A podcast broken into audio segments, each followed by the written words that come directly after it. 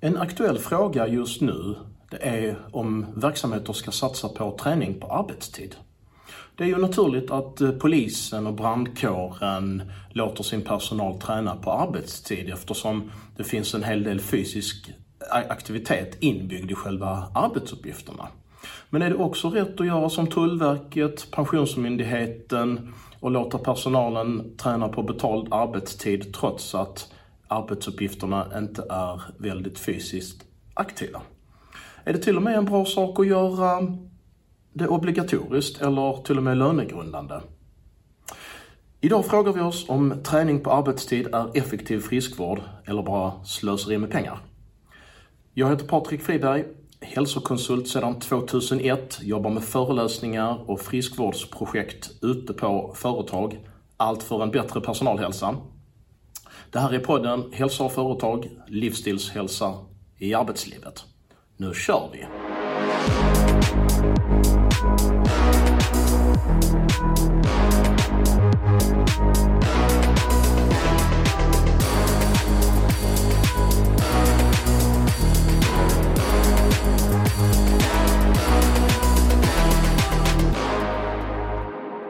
Är träning på betald arbetstid effektiv friskvård? Tullverket, Pensionsmyndigheten, Lunds universitet, Kungliga Tekniska Högskolan, Karlskrona kommun, Jönköpings kommun med flera har träning eller annan friskvård på betald arbetstid. Att eh, träning har positiva effekter på produktivitet, stresstålighet med mera och leder till färre sjukdagar är vedertaget. Därför finns det förstås eh, starka incitament för arbetsgivare att påverka Eh, sina anställdas aktivitetsnivå. Dessutom har de flesta individer en eh, egen önskan om att lyckas öka aktivitetsnivån. Därför kan verksamheter som underlättar denna strävan för sin personal ses som attraktiva arbetsgivare när det gäller att rekrytera ny personal. Så träning på arbetstid kan vara ett sätt att både få friskare personal och att vara en attraktiv arbetsgivare. Men det finns ju många sätt att hjälpa sin personal få bättre livsstil. Hur bra metod är träning på betald arbetstid i konkurrens med allt annat man kan satsa på? Som vi pratade om i förra avsnittet kan man säga att framgångsrik friskvård handlar om hur effektiv en hälsoinsats är på att skapa långsiktigt hållbara hälsovanor. Men eh, naturligtvis är kostnaden också en faktor som vi behöver väga in. Därför kan man säga att den gyllene måttstocken på hur bra en given friskvårdsinsats är, hur eh, mycket den leder till långsiktigt hållbara hälsovanor per krona. Är då träning på arbetstid effektiv utifrån detta synsätt? Det beror förstås delvis på vad medarbetaren gör under friskvårds eller träningstimmen. Olika friskvårdsaktiviteter är ju har ju olika effekter på hälsa och olika strategier är olika hållbara. Finns det till att börja med någon skillnad i effektivitet om man väljer en fri friskvårdstimme eller just träning på arbetstid? Vissa företag har valt att personalen fritt får välja friskvårdsaktivitet under vanligtvis en timme per vecka. En del medarbetare väljer då massage, en del väljer lugnare träningsformer och andra mer högintensiv träning.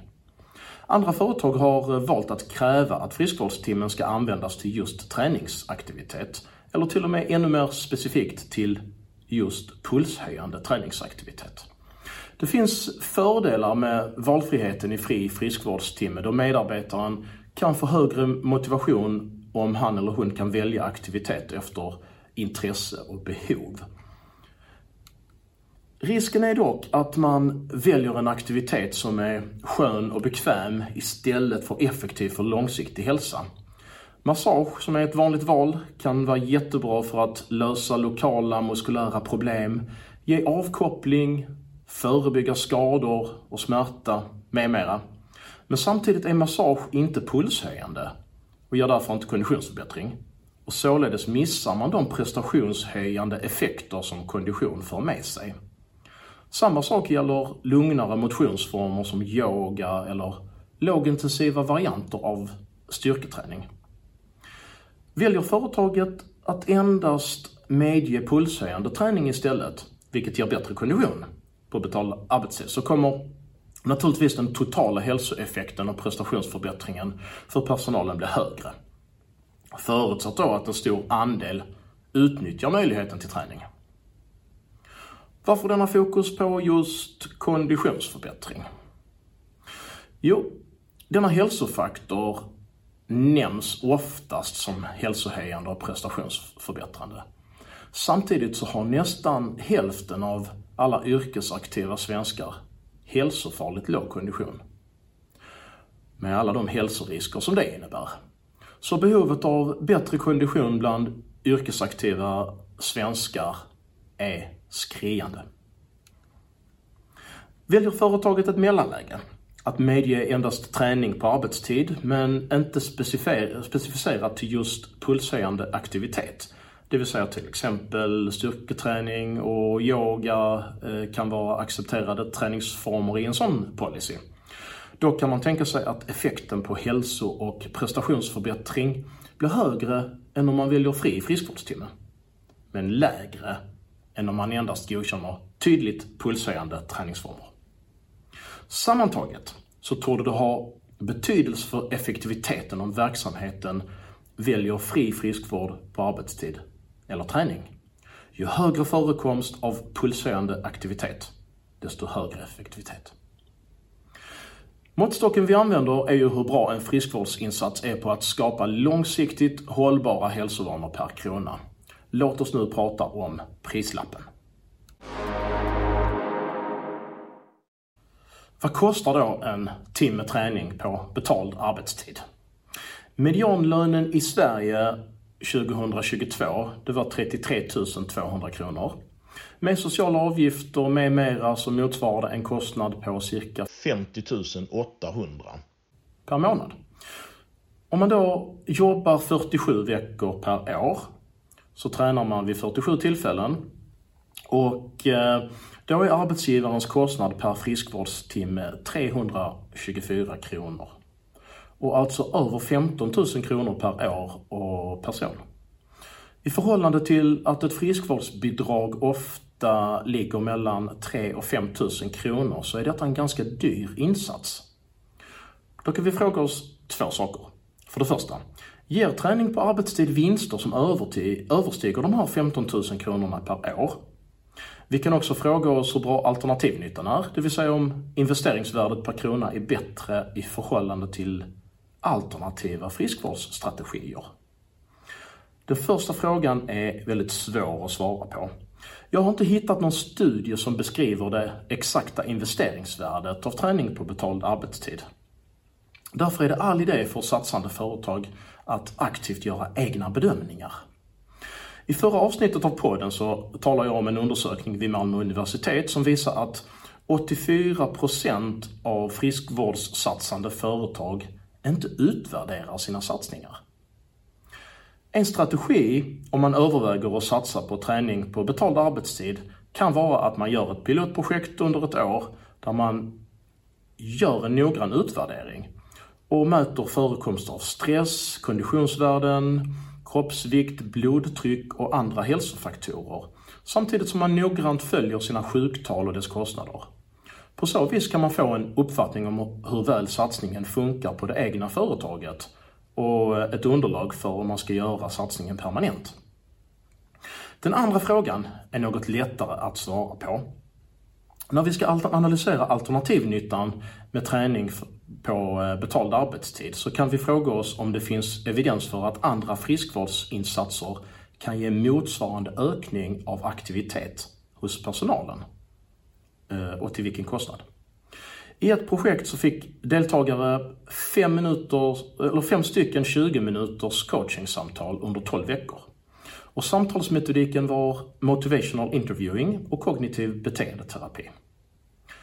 Aktivitetsnivån bland deltagarna ökade och efter projektet hade färdigställts eh, så, och nio månader efter den tidpunkten så var aktivitetsnivån ökad med 49 minuter per vecka.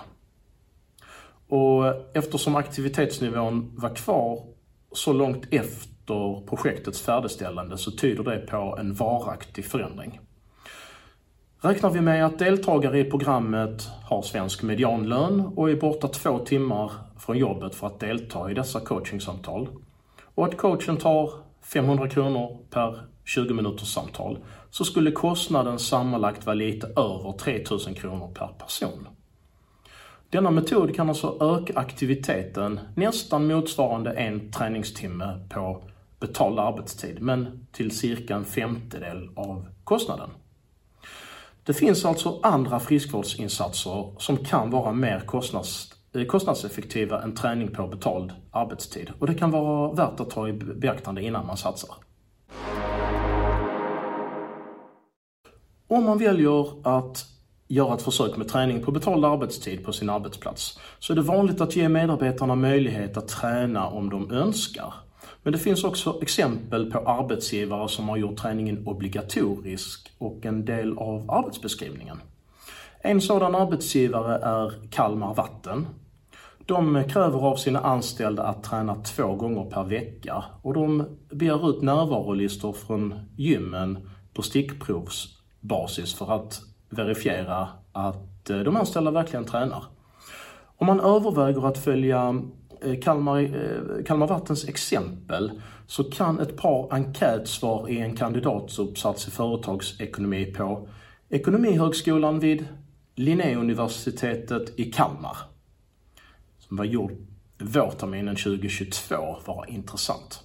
En fråga löd, hur sannolikt är det att du söker dig till en arbetsplats där det finns obligatorisk träning på arbetstid. Och då svarar 29% att det inte är sannolikt. Och eh, om man då frågade hur sannolikt är det att du söker dig till en arbetsplats där träning på arbetstid är ett lönegrundande kriterium? Och då svarar 43% att det inte är sannolikt. Detta belyser att den lockande effekt som möjligheten till träning på arbetstid kan ha som en förmån mycket väl kan avskräcka potentiella medarbetare om det blir obligatoriskt och i synnerhet om det blir lönegrundande. Samtidigt finns det naturligtvis fördelar att ha så stor andel av personalstyrkan regelbundet tränande som en sån strikt policy medför. Kalmar Vatten har till exempel fått ner sina sjuktal sedan de började med den obligatoriska träningen. Leder träning på arbetstid till vanor som är långsiktigt hållbara då? I en bemärkelse finns ju hållbarhet så länge som företaget har kvar satsningen och medarbetarna fortsätter utnyttja möjligheten. Jag har inte hittat någon studie om vad som händer med medarbetarnas träningsvana om företaget skulle upphöra med sin satsning. Upphör träningen eller har en vana skapats så att träningen fortsätter på fritiden? Vi vet inte.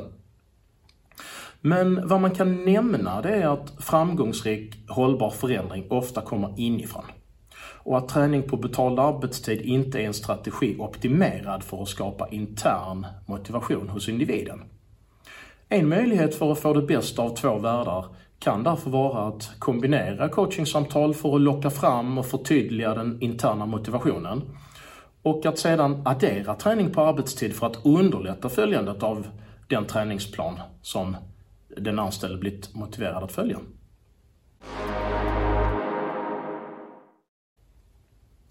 För att sammanfatta. Friskvård på betald arbetstid, det är en förmån som kan göra en arbetsgivare attraktiv för nya medarbetare. Det är dock en dyr form av friskvård. För att få så god effekt som möjligt på hälsoprevention och produktivitet och maximera investeringsvärdet kan det vara lämpligt att styra tillgängliga aktiviteter mot träning och helst pulshöjande träning. Man måste vara medveten om att andra friskvårdsaktiviteter, till exempel coachingsamtal med evidensbaserad samtalsmetodik, eh, kan vara en eh, billigare form att åstadkomma samma ökning av aktivitet. Det kan vara riskabelt att göra träningen obligatorisk och i synnerhet lönegrundande efter det kan, eftersom att det kan skrämma bort potentiella medarbetare som i övrigt är lämpliga för positionen. Friskvård eller träning på betald arbetstid, det är en tämligen dyr friskvårdsinsats. Samtidigt så har, har det potential att ge stora positiva effekter på hälsan och produktivitet.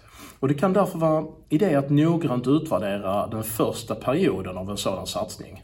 Man bör titta på både sjuktal, produktivitetsparametrar och mätbara hälsofaktorer, till exempel stress, kondition och övervikt. För att skapa och eh, förtydliga intern motivation hos medarbetarna kan det vara en god idé med coachingsamtal. Träning på arbetstid kan därefter underlätta för medarbetaren att kunna följa planen. Tack för idag. Tack för att ni lyssnar och jag hoppas att vi ses nästa vecka. Ha det bra!